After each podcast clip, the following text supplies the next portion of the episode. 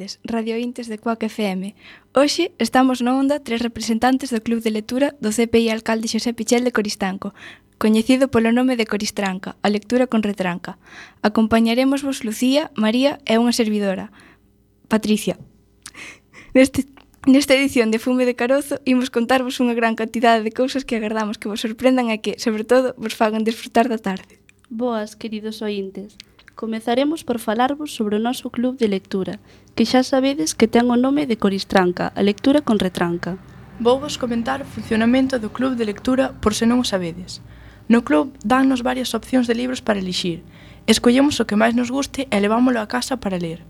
Pasado un tempo, cando xa todos temos rematado o libro, quedamos un día pola tarde na nosa biblioteca para comentalo e posteriormente elixir outro. Ás veces temos a sorte de que se chega ata noso centro o escritor ou escritora do libro, para así poder facerlle preguntas ou comentar dúbidas sobre este. Este ano, o primeiro libro que dimos foi A dúbida, de María Reimóndez. Foi un libro que nos marcou moito porque relata a historia dunha muller que estaba casada cun home que se ve involucrado nun turbio asunto de abuso de menores. Tivemos a sorte de ter un encontro con ela na librería coruñesa Moito Conto, situada na rúa San Andrés, onde nos explicou como vivir a ela a escrita dese libro, como recoller a información sobre os xuizos sobre este tema e como descubriu con especialistas esta dura realidade social. Outro libro que limos e nos impactou foi Futuro Imperfecto, de Xulia Alonso. A escritora viguesa conta a súa experiencia e a do seu marido no mundo das drogas, como superaron a enfermidade que estas lle produciran a sida e a morte del.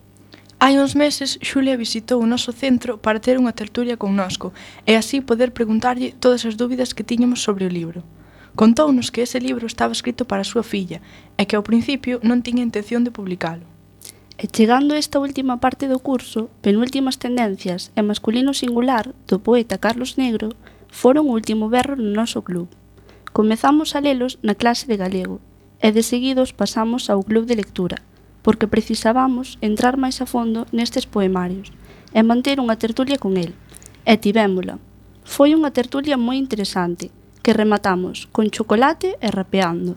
Penúltimas tendencias é un poemario para todas as mozas que non buscan un universo onde todo sexa fashion, and cool, and chic, and sexy, mentres que masculino singular reflexa unha conducta que se achega ao feminismo desde a perspectiva de protagonistas masculinos. Lucía, animaste a ler un poema de Carlos Negro? Veña. Hoxe a mamá regaloume un tractor verde. O tractor verde que me regalou mamá trae un boneco con pantalón e bigote. O boneco con pantalón e bigote que me regalou a mamá é o señor que conduce o tractor verde. O boneco con pantalón e bigote que conduce o tractor verde que me regalou a mamá chámase Granxeiro. O granxeiro de pantalón e bigote que me regalou a mamá conduce todos os tractores verdes das tendas de xoguetes. E eu quería saber por que as bonecas con trenzas nunca conducen os tratores. Maravilloso poema, non si? Va queda que pensar. Agora tomaremos unha breve pausa musical e á volta teredes unha sorpresa. Non se nos vayan.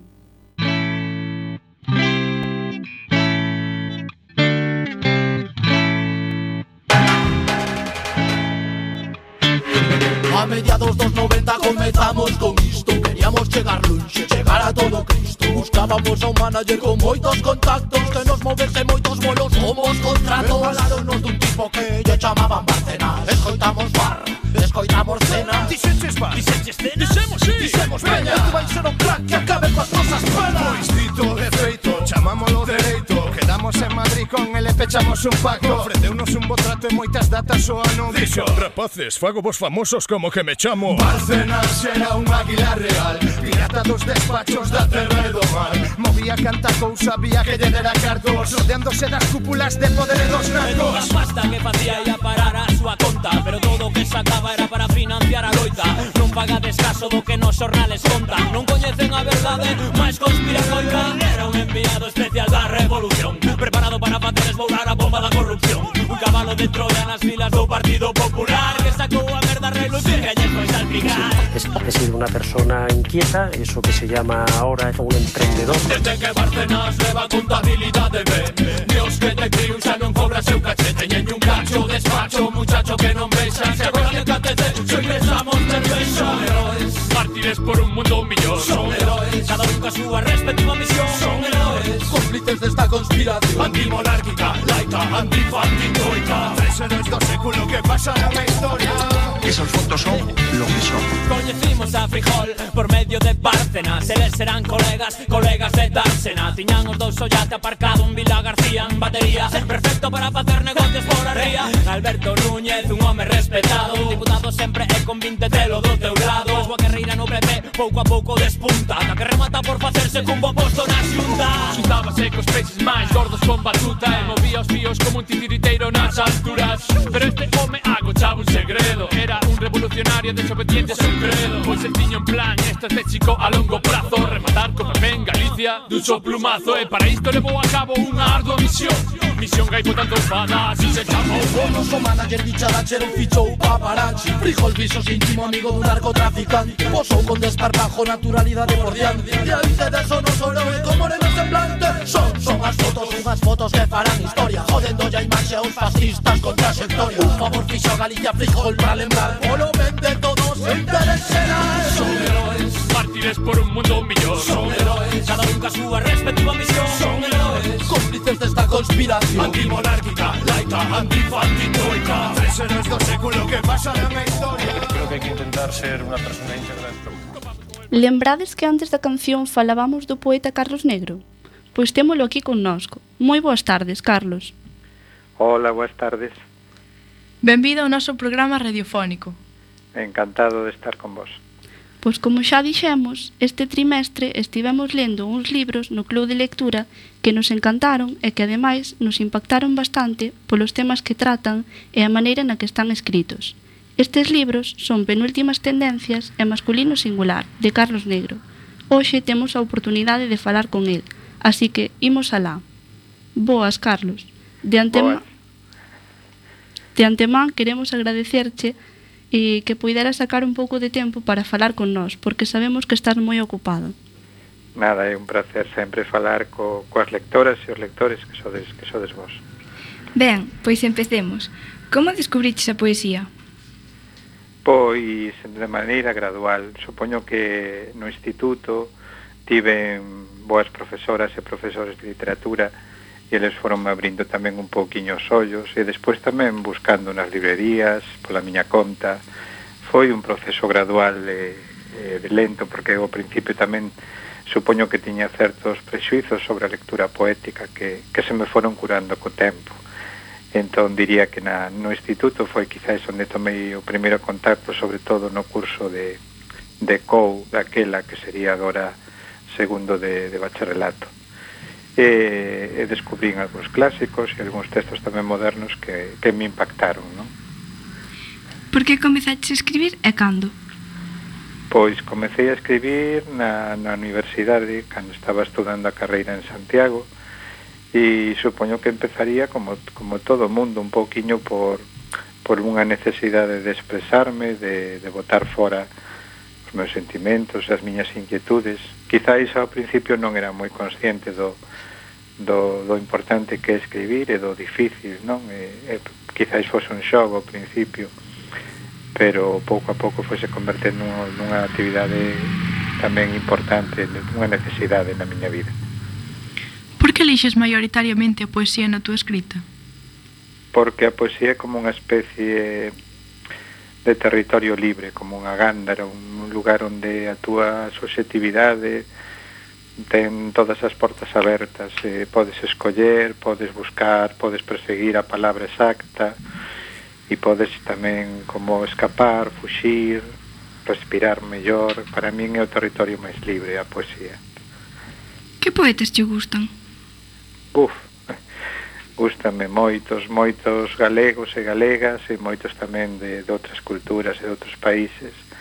Entón, resultaríame difícil facer unha dicir nomes porque porque a nómina é inmensa e creo que tamén hai un poeta e un poema para para cada momento da vida, non? Hai poetas para a xuventude, hai poetas para a noite, poetas para a primeira hora do día, poetas para cando tes 20 anos e outros supoño que para cando teñas 70 ou 80 non sei, a poesía é un universo enorme e cheo de posibilidades.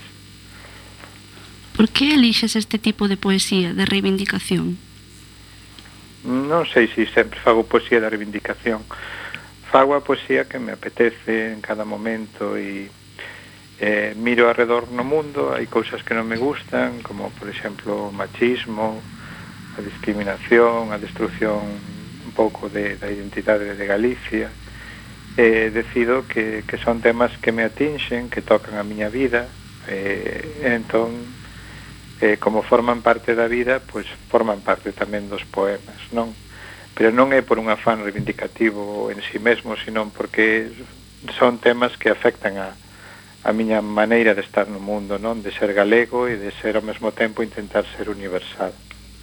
En nos poemarios penúltimas tendencias e masculino singular en que te baseaches. Ademais, neles, elixes unha linguaxe moi directa. Por pois, exe...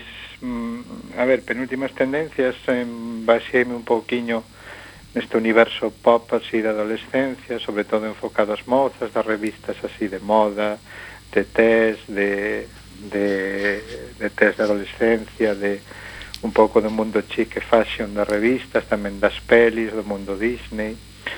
Non sei, baseime todo neste universo que, que ten que ver un pouco co, coa superficialidade, tamén cos estereotipos do rosa, non? E das Barbies. Ese é o mundo un pouco de penúltimas tendencias, polo menos de inicio. E despois, masculino singular é máis unha indagación na miña identidade como, como home, non? Como como ser masculino, non? E como temos que evolucionar os homes para asumir a igualdade como algo que tamén, primeiro, que, que, que é xusto e necesario, e segundo, como algo que tamén nos fai mellores persoas, non? O feminismo e a loita pola igualdade. E tamén era unha indagación persoal na miña vida como como home ahora que teño máis de 40 anos. Tomaches contacto, contacto con estas revistas?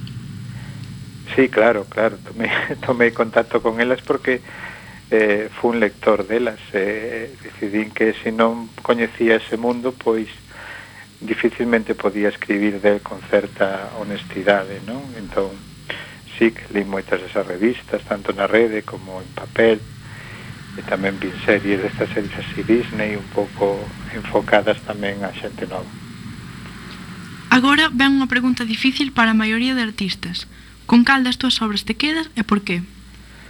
Pois, sí, podería contestar dunha maneira tópica, pero vou dicir que me quedo coa última, que aínda non está publicada e que é unha obra así un pouco distinta do que do que vos pudestes ler ata agora e é unha obra que se chama Tundra e que espero que saia próximamente e que é un poemario aínda inédito que gañou un premio o Fito Vergara Vilariño Cal che custou máis escribir e por que?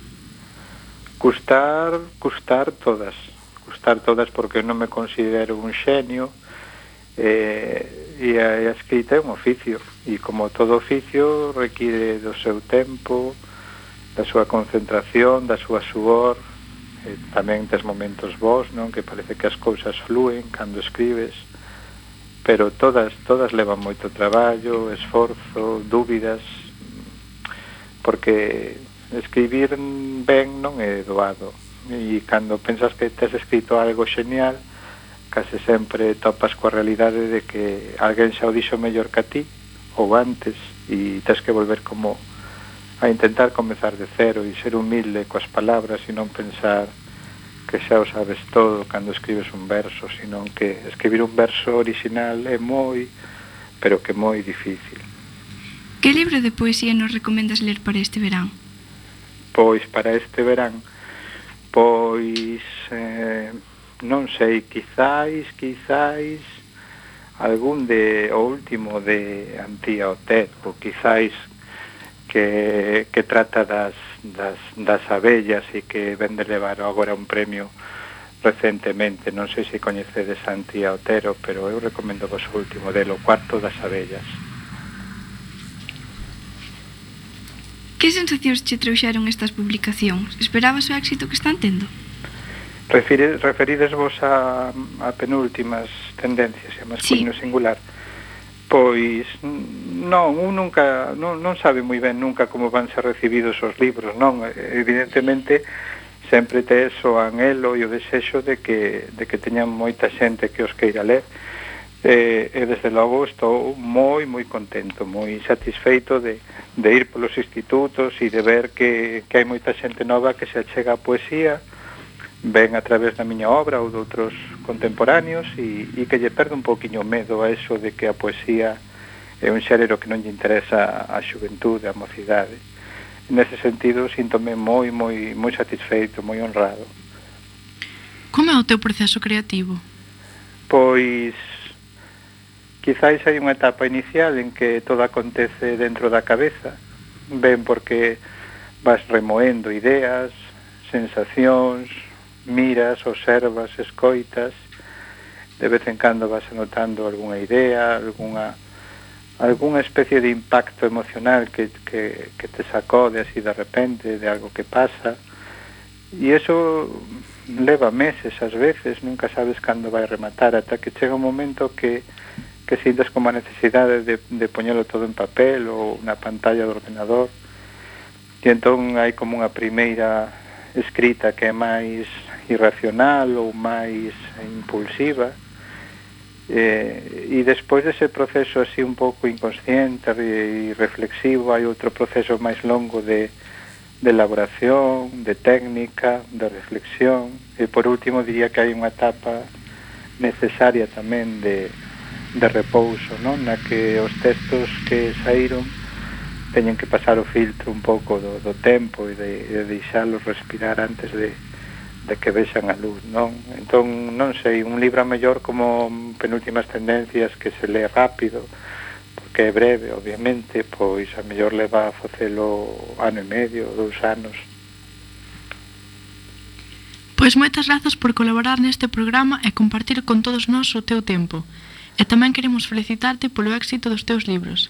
Bicos e ata pronto. Pois o agradecido son eu e, e nada que sigades con esta ilusión e con este con estas ganas de, de facer radio e de facelo tamén e de facelo na nosa lingua. Así que nada, moitísimas grazas e unha aperta de, de corazón de parte de Carlos. Grazas. Hasta loguiño. Hasta. Bueno, pois gustounos tanto a lectura destes poemas e a conversa que tivemos con Carlos que vou a ler un poema do, do poemario masculino singular para incitarvos a que o leades. Oxe o papá regaloume unha boneca con trenzas. A boneca con trenzas que me regalou o papá non ten pantalón nin tampouco bigote. A boneca de trenzas que me regalou o papá trae posta unha saia de lazos e flores. A saia de lazos e flores da boneca de trenzas que me regalou o papá é toda rosa. A saia de lazos e flores da boneca de trenzas que me regalou o papá é rosa como todos os vestidos das tendas de xoguetes. E eu quería saber por que os granxeiros con bigote nunca visten de rosa. E eu vou lervos un poema de penúltimas tendencias. Fago do cuarto de baño un punto de partida e das sorpresas do corpo un mapa sobre os espellos. Descubro por min mesma illas, lagos, continentes. Aprendo a navegar, para que logo digan que non hai exploradoras. E agora deixámosvos cunha breve pausa musical. Á volta falaremos vos das letras galegas, que se celebraron o pasado mércores 17 de maio. Non desconecten.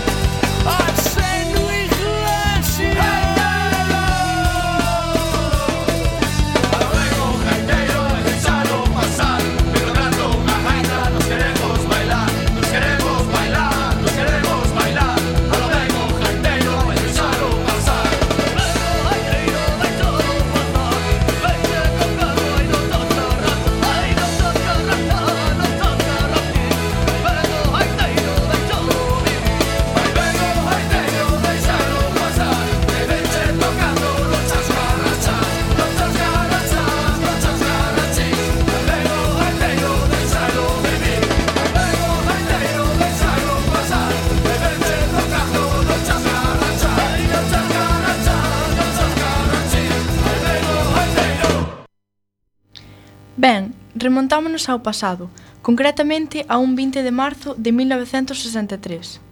Este día, tres membros da Real Academia Galega presentaron nesta mesma institución unha proposta histórica, que se declare o 17 de maio de cada ano como o Día das Letras Galegas, data escollida para recoller o latexo material da actividade intelectual galega. Manuel Gómez Román, Xesús Ferro Consuelo e Francisco Fernández del Riego expuñan que, con motivo de se celebrar o centenario da publicación de Cantares Gallegos de Rosalía de Castro, a Academia debería consagrar o simbolismo da data nunha celebración anual. Estimaban que o libro rosaliano foi a primeira obra mestra coa que contou a literatura galega contemporánea, e que a súa aparición veu a darlle prestixio universal á nosa fala como instrumento da creación literaria. Elixiuse o dezasete de maio por ser o día en que Rosalía de Castro lle dedicou a súa obra poética en galego ao tamén poeta Fernán Caballero. 54 anos despois, celebrados días e días das letras galegas, este 17 de maio dedicouselle a Carlos Casares. Coñecédelo, non si? Ben, pois agora contaremosvos un pouco o porqué da escolla desta figura para este 17 de maio que acabamos de celebrar. Carlos Casares naceu en Ourense no 1941 Narrador, ensaísta, articulista e dinamizador cultural, está considerado unha das figuras máis singulares e renovadoras da literatura galega. Iso sen olvidar a súa implicación na vida cultural, social e institucional, con un compromiso inequívoco coa lingua galega. Destaca polo carar por o carácter variado da súa obra e pola vocación comunicativa que adquiriu. É un escritor idóneo para protagonizar o Día das Letras Galegas, xa que incluíu na súa obra narrativa a escrita infantil, o periodismo e o ensaio, construindo a figura dunha das personalidades máis importantes de Galicia. Agora, imos lervos un fragmento do conto infantil A Galiña Azul, de Carlos Casares. Comeza así. Estes días anda o povo un pouco alborotado. Acordaste dun rapaz que se chama Lorenzo e que andaba sempre na compaña dun can pequeniño de rabo zuro? Pois, Lorenzo ten unha galiña azul con cinco plumas vermellas na á dereita. É unha galiña moi bonita e moi rara. Pon ovos de colores. Xa puxo dous marelos, un rosa e tres verde mar. Ademais, non di cacaracá, como as outras galiñas, senón que di cocorocó. E isto ten preocupadas as autoridades. Tan preocupadas as ten que hai catro días chegoulle un oficio a Lorenzo pedíndolle que entregase a galiña polas boas. Lorenzo negouse, porque aínda que lle din que só é para que a vexa o veterinario, o certo é que, segundo dixo o señor Casimiro, o porteiro do Concello, a galiña van a matar. O alcalde, Manolito Listón, dixo nunhas declaracións que fixo para a televisión e para os xornais que non se podía tolerar a existencia dunha galiña azul porque, segundo di Manolito Listón, unha galiña azul que pon ovos de colores e que di cocorocó en vez de cacaracá non é unha galiña como é debido. O caso é que o pobo anda todo alborotado, e o pobre Lourenzo non levanta a cabeza. Antes paseaba todo contento coa súa galiña pola rúa, pero agora está na casa e algúns din que a galiña a ten disfrazada de branco para que non a coñezan, pero de certo pouco se sabe. Eu non sei que vai pasar, porque os veciños están de parte de Lorenzo da galiña. Non teñas pena, que xa che contarei en que queda isto. Lorenzo encárgame que che dea lembranzas del e da súa galiña azul. Sabes que se arranxou o asunto da galiña azul de Lorenzo? Verás, o día aquel que te escribín contándoche todo, resulta que a iso das cinco da tarde chegaron os gardas a buscar a galiña azul, de parte de Manolito Listón. Ía moito sol e podía ser un, un día ben ledo se non fose pola pena que tiñamos todos. A xente congregouse diante da casa de Lorenzo. Habería para aí máis de mil persoas. Eu tamén fun. A que non adiviñas o que pasou? pois o día anterior alguén discorreu que a mellor maneira de arranxar as cousas sería tinguir de azul todas as galiñas do lugar, pintándolles de vermello cinco plumas á dereita e despois soltalas de arredor da galiña azul de Lorenzo. Como nós non temos galiñas na casa, eu fun mercar unha á feira de Allariz e tinguina de azul tamén. Cando chegaron os gardas, atoparon tanta galiña igual que non sabían cal era de Lorenzo. Só houve un pequeno despiste. Foi cousa de Leoncio, que se trabucou e apareceu cunha galiña pintada de vermello. Cando lle viron os gardas, queríanlle matar. Se o vises escapar coa súa galiña debaixo do brazo e berrando, para gustos fixáronse colores. Agora o Manolito Listón di que cando chova todo se vai arranxar, que as galiñas han perder o tinte e que entón xa veremos. Pero polo de agora vai moita calor e temos o verán enteiro por diante. De momento, Lorenzo anda mestrando a galiña para que, ao menos en público, aprenda a dicir cacaracá en vez de cocorocó. Claro que a xente do lugar ten un contrasinal para coñecer a verdadeira galiña azul. Xa cho direi cando veñas. Mañá voume de viaxe. Cando volga, seguirei che contando historias, que por aquí sempre hai algo que contar.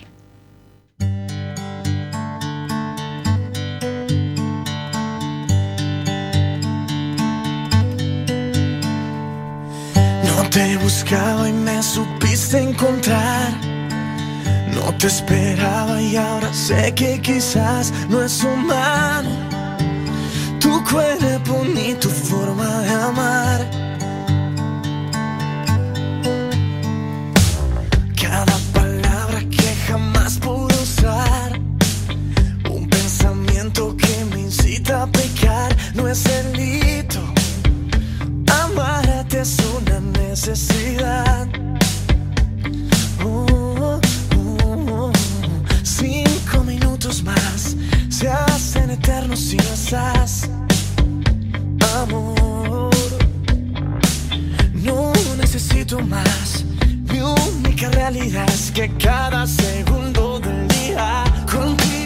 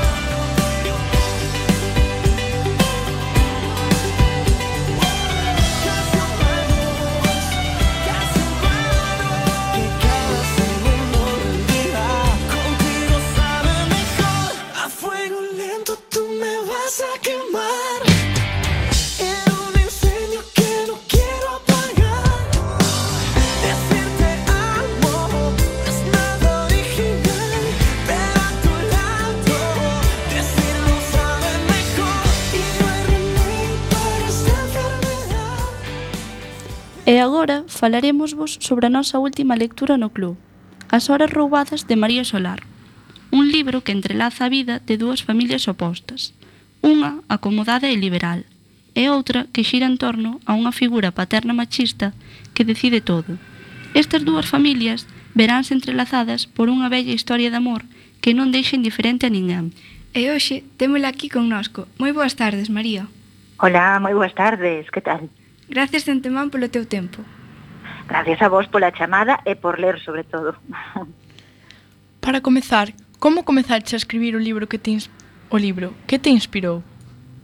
Pois mmm, nunca sei moi ben a verdade que, que inspira un libro, non? Pero mm, o que sí tiña moi claro era que quería escribir unha historia de, de amores, de desamores, de, de situacións que non son blancas ni negras, porque sempre penso que é moi difícil xulgar os demais, non? Eh, neste libro, eh, vos que o lestes, non? Eh, moita, moitas das cousas que pasan aí son difíciles de, de xulgar, non? Cando te chegas a elas. Entón, eh, apetecíame facer un libro sobre a transición das persoas e sobre a transición española, non? Entón xuntei as dúas cousas e, e saiu algo pois, que, que, bueno, creo que, que ten moito que, que dicir e moito que reflexionar a parte da historia en sí. Foi dado de escribir e de recordar a época na que se ambienta o libro non foi doado de, de, de escribir algunhas cousas, porque eh, é un libro que ten unhas partes moi duras, non? A parte que contaba des antes de, da familia, pois, na, na que o home moi machista, eh, eu tiven que, que mergullarme outra vez nesa sociedade. Eu era moi pequena nos, nos anos 70, non? A, fin, no, a finais dos 70, no día de Nadal dos 70. Entón, para min esa época son os meus primeiros recordos pero sí recordo cousas de, dese de tempo que son lastres que ainda levamos, non? Sobre a muller ou sobre a familia, nas que o home era o único que decidía, eh, nas que as mulleres daquela non tiñan dereito nin, nin ao divorcio, non? Nin os homes. Entón, eh, decías unha frase que a mí pareceu sempre terrible, que era esa frase de eh, a min, eu tiven sorte que me tocou un home bo, non? Porque se che tocaba bo, vivías ben, e se che tocaba mal, tiñas que roelo, ainda que che pegara, non? Entón, era unha situación moi moi terrible. E cando me puxen a escribir o libro, eh, o, o, hai un personaxe en sí que é Damián, non? Que é esa persoa, eh, un personaxe duro, un personaxe eh, pues, eh, manipulador, eh, que, que someta malos tratos a, a familia, primeiro psicolóxicos e despois físicos, non? Eh, eh, quería que todos os personaxes tiveran voz. El tamén. Entón, eh, non se xustifica o que fai, pero sí quería que pasara como, como pasa na realidade, cando, cando un home maltratador e moitas veces pide perdón ou moitas veces el ten unha razón para ser ou pensa que a ten, non? E eu quería que, que eso tamén quedara evidenciado no libro e que el eh, tivera a súa maneira de pensar e a súa disculpa, entre aspas, non? Para comportarse desa maneira. Entón, parecíame interesante eh, situar esa, mm, ese, o sea, mm, escribir con moito cuidado ese, ese personaxe e tamén os fillos, porque os fillos son víctimas pero ao mesmo tempo un pouco tamén son consentidores, porque tiñan a nai case como unha esclava na casa e tamén lle era útil, non? Entón foi moi difícil de, de describir de esta familia, e falei moito con, con psicólogos, con, con xente que sabe moito de, de malos tratos, e, e tive moito cuidado en, en poder describir como eran esos personaxes sen xustificalos, non? Pero tamén sin xulgalos dende fora, para que fora o, o lector quen, quen xulgue, non? Entón, que personaxe che custou máis construir? O de Damián, sen dúbida. O de Damián costoume moitísimo construílo, porque mm, é unha persoa violenta, pero o tempo é unha persoa encantadora con súa nai, non? eh, é unha persoa que desprecia absolutamente a, a muller, pero foi quen ao principio de, de conquistala, de, de ila rondando, de metela nunha espiral que cada vez era máis controladora. Eh, eu hai pouco estuve con máis de 200 lectores, eh, pois así máis ou menos da vosa idade, non? En, en Ourense, E, mm, e eh, falábamos eso, eh, ningún maltratador che dá un golpe o primeiro día que quedas con él, porque senón deixalo ali sentado, non? Se vas tomar unha hamburguesa e che pega un golpe, pois quedas ali, dis, aí te quedas. Pero non, eh, as cousas fanse de outra maneira, e fanse, da igual que sexa o 79 ou que sexa hoxe mesmo, fanse establecendo ese control, establecendo unha dependencia da víctima que despois chegou a ser incluso económica, que naquela época era moi habitual que as mulleres dependeran económicamente, emocionalmente.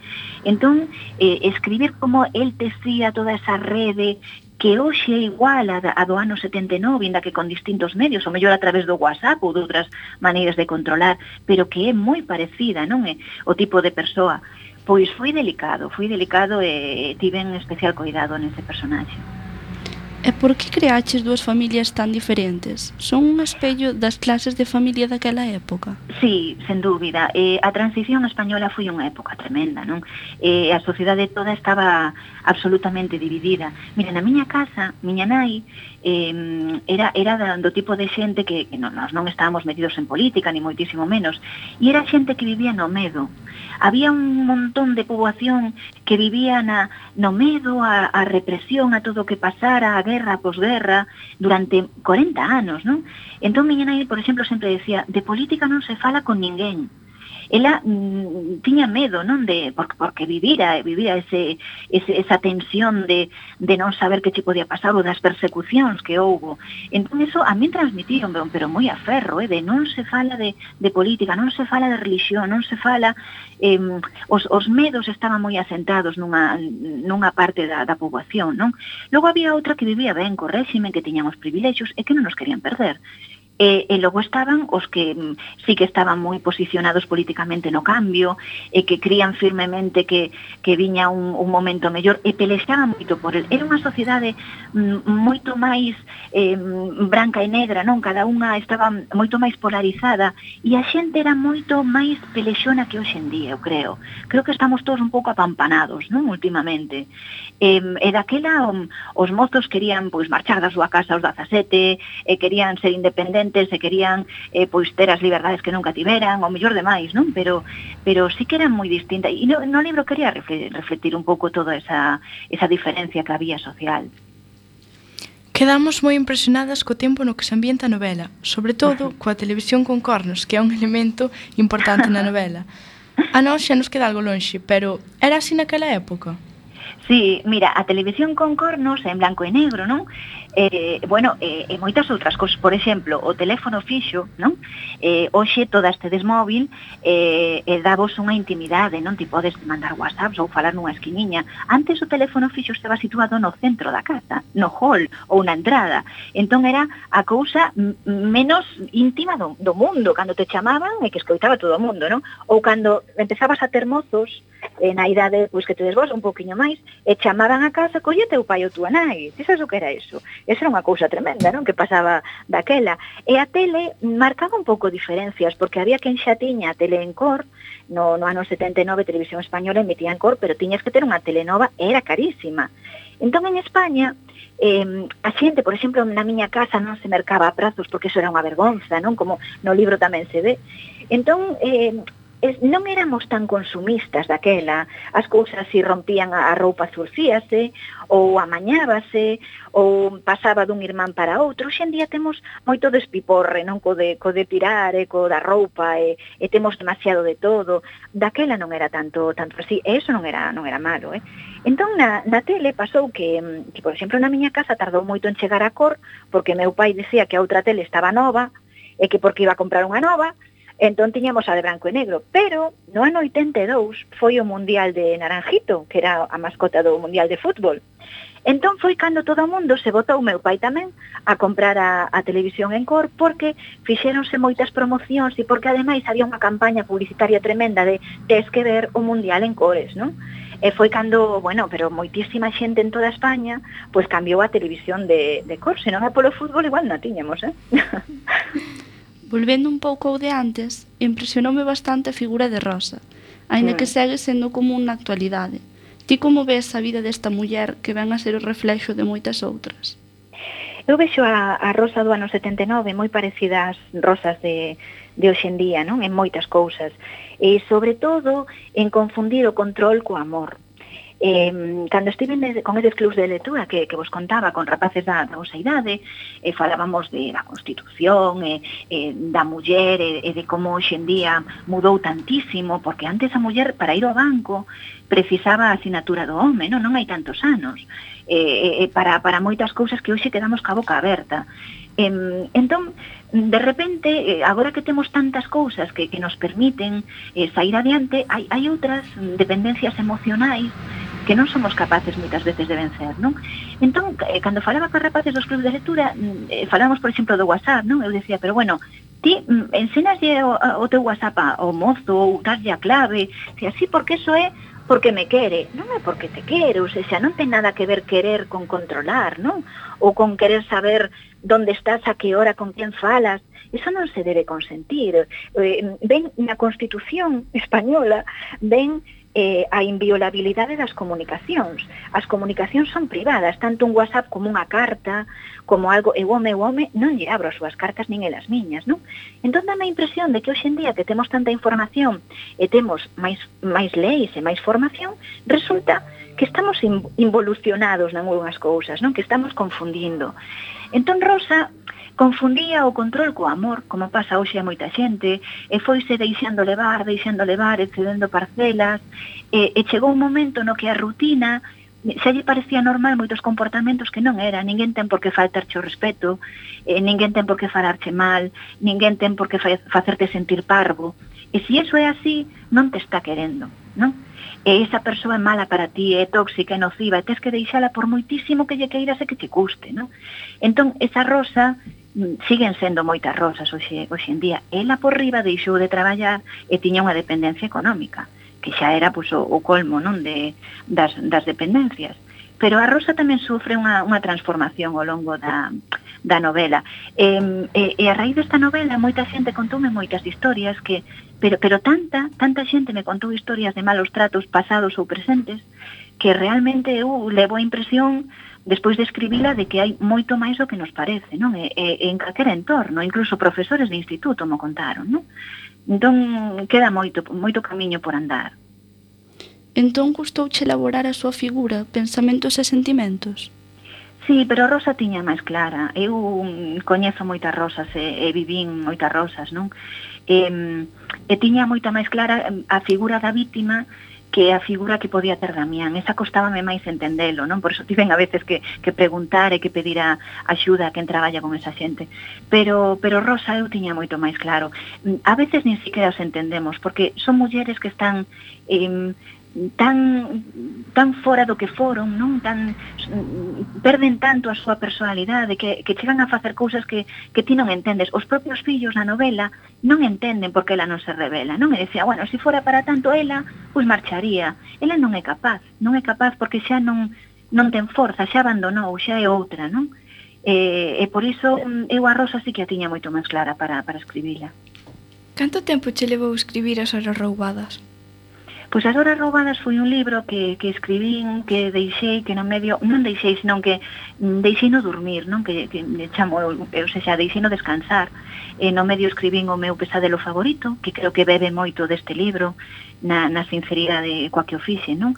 E, e o meu pesadelo favorito eh, pois foi un libro que, que levou un montón de, de premios, eh, para min foi o, o, o máis premiado dos que teño, non? E despois reto, retomei as horas, remateina se foi cando cando o saquei. Foi un libro que me levou en castelán a, a editorial Grijalbo, o grupo Penguin Random House, eh, que agora vai sair tamén en, en polaco, non en, en Polonia, e eh, que me dou moitísimas alegrías de, de como funcionou en Galicia e, e fora de Galicia en toda España. Estiven por un montón de sitios, con un montón de xornalistas, de público, e, eh, e quedei moi contenta. E aparte que é un libro que leu xente de todas as idades, non? É que, como se fala tamén de tres xeracións, pois eh, creo que moita xente se atopou personaxes cos que se identificaban ou que comprendían, non? Como é o teu proceso creativo? Pois eu non teño un proceso para todo, teño un proceso para cada libro, non? Distinto. Entón, eh, por exemplo, Mm, esta novela eh, funa escribindo, xa che digo que deixeina dormir tempo, eh, despois volvín a ela, repaseina moito, fixen eu a traducción ao castelán, que non, non sei se o volverei facer, porque cada vez que, que eh, traballaba no castelán refacía cousas, volvías a levar o galego, do galego ao castelán, e bueno, era realmente complicado, non? Eh, e foi unha novela que, que traballei moito durante moito tempo. Quería Mm, que fora moi traballada e moi sinxela de ler o tempo. O sea, é unha novela que ten moitas cargas de profundidade, moitas cousas das que reflexionar e nas que pensar, pero, sen embargo, a lectura é fluida, non? Eso era o que eu, o que eu pretendía. E logo, pois, eh, por exemplo, co Pesadelo Favorito saiu casi dun tirón. Foi un, un libro que escribí moi rápido, eh, eh, dunha maneira moi moi clara, Eh, entón, cada libro é distinto, non, non, non teño un proceso para cada un. Non? Acabas de decir que traduciches o libro As horas roubadas ao castelán. E entón, por exemplo, cando os nenos da variola saíron eh, simultaneamente traducidos en varias linguas. Que sí. simbolizou para ti iso? Pois eh, eh, as traduccións para min son importantísimas porque eu son unha escritora en lingua galega, que é a miña lingua, entón eh, creo que temos o, o, o dereito e como calquera a escribir na lingua que nos pete e a que eso non sexa un freo, non? Eh, é complicado, eu non vou dicir que non, porque cando, cando ti lle pasas a unha editorial en castelán un libro en galego, eh, como non o comprenden, teñen que pedir un informe de lectura. Entón, xa lles custa, xa hai un custe de entrada por ler a túa obra e saber se lles vale ou non pero despois de que te van coñecendo cada vez as portas están máis abertas, non? Entón, eh, os nenos da, da variola saíu en tres linguas simultaneamente, en galego, en castelán e en catalán o mesmo día, que non é doado, nin, nin é algo que se vexa todos os días, eu sou moi consciente de, de que foi un logro inmenso, non? Eh, o pesadelo vai sair en italiano, os, os teño os tres perfectos vai sair en chinés, en portugués, en catalán, está en galego e en castelán. Entón creo que que, que a obra se traduza dentro galego é unha normalidade que, que, que, que é maravillosa e que ti podes escri escribes, pero logo as cousas son universais, todas as historias, ainda que estean, pois como a, eh, aos senos da variola ou, ou as horas roubadas, están escritas en Galicia, non? O escenario Galicia. E, e leno en calquera lado, e nós tamén lemos cousas de, de Wichita e de, e de Wisconsin e de, e de, eu que sei, de, de París, non? Pois con toda esa normalidade temos que escribirnos para fora. Que impresión recibes das horas roubadas? Pois teño a impresión de que é un libro que mm, onte mesmo estiven eh, pois eh, con, con xente de, de Vigo, eh, un club de lectores de adultos, non? Eh, mm, teño a impresión de que é un libro que, que toca a fibra, que toca moitos sentimentos, que a xente pois emocionase ou chora, eh, mm, e que ten a capacidade ao falar de, de tres xeracións de que para algúns é un recordo de, do que foi e identifícanse cos personaxes e que para outros é unha descoberta dunha época, non? Que pasou hai moito tempo, que éramos moi distintos e que, en cambio, algúns lastres daquel pasado aínda os estamos padecendo hoxe. Entón, eu estou moi contenta con coas horas roubadas, é un libro que me está dando moitísimo, moitísimo, moitísimo. Eh. Dende logo, hai cousas que son impagables, non? Do que a xente che conta de cando lee, eh, a min emocioname moitísimo. Xa para finalizar, que lecturas nos recomendas para o verán? Ai, que difícil así de, de súpeto. Pois a ver, eh, eu no verán eh, creo que, que, se, que, que un tempo para, para ler de verdade, non? Entón, eu lería mm, algo novo e tamén retomaría algo de atrás, non? porque creo que os clásicos tamén son necesarios, de verdade que sí. Entón, creo que, por exemplo, eh, escoller algo de Casares casi me da igual que porque todo maravilloso, ou, escribir, ou escoller algo de, de Rosalía, non? Eh, é necesario, é necesario e a certas idades aínda é máis necesario para, para formarse, non? E despois, eh, algo do actual hai moitísimo. A min chiflame, pois, eh, María Reimóndez, escollería case calquera cousa dela. Eh, pois, Leticia Costas, ou Francisco Castro, ou xente nova como eh, Diego Giraldez, non? Hai, mm, hai moito de, en que escoller. E eu, fixa de vos fixo, mm, e creo que cada persoa necesita unha lectura distinta e que, que non a todos nos ten por que gustar o mesmo. E iso é bo, por a temos oferta para variar. Eu sigo confiando no, no libreiro de, de, de confianza, en ter un libreiro de man e ir ali e decirle a min gustame tal tipo de cousas ou busco un libro de tal maneira. Non sempre apetece ler o mesmo, non? Eu, por exemplo, acabo de ler un libro tristísimo, tristísimo, tristísimo dun señor que lle morra a muller e tiña unha parte ao final que, que me costou moitísimo porque non me apetecía a min agora ler eso. E, e non é que estea mal, é que depende do momento no que, no que te colla un libro. Entón, eu creo que confío tamén en que temos moita literatura galega boa como para confiar no libro e decir, quero ler algo divertido ou algo de tal ou algo tal e que che poida dar un libro pois pues, eh, axeitado ao teu momento, non? Pois pues ata aquí a entrevista. Moitas grazas por todo, María. Pois pues moitísimas grazas a vos, eh, moi feliz de que teñades esta, esta radio, este programa, eh, e nada, a seguir lendo no verán tamén, eh? Biquiño. Un bico.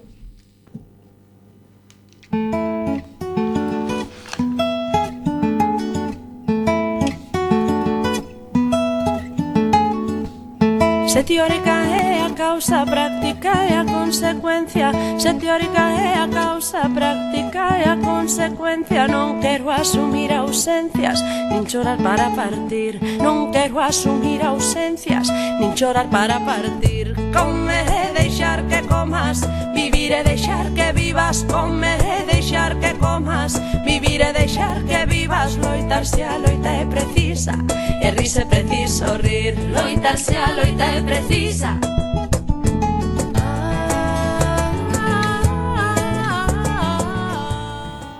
Agora que tan só quedan uns minutos de programa, queremos lembrar unha das mellores actividades que tivemos este curso e que organiza o noso club de lectura xunto co do IES Ramón Otero Pedrallo.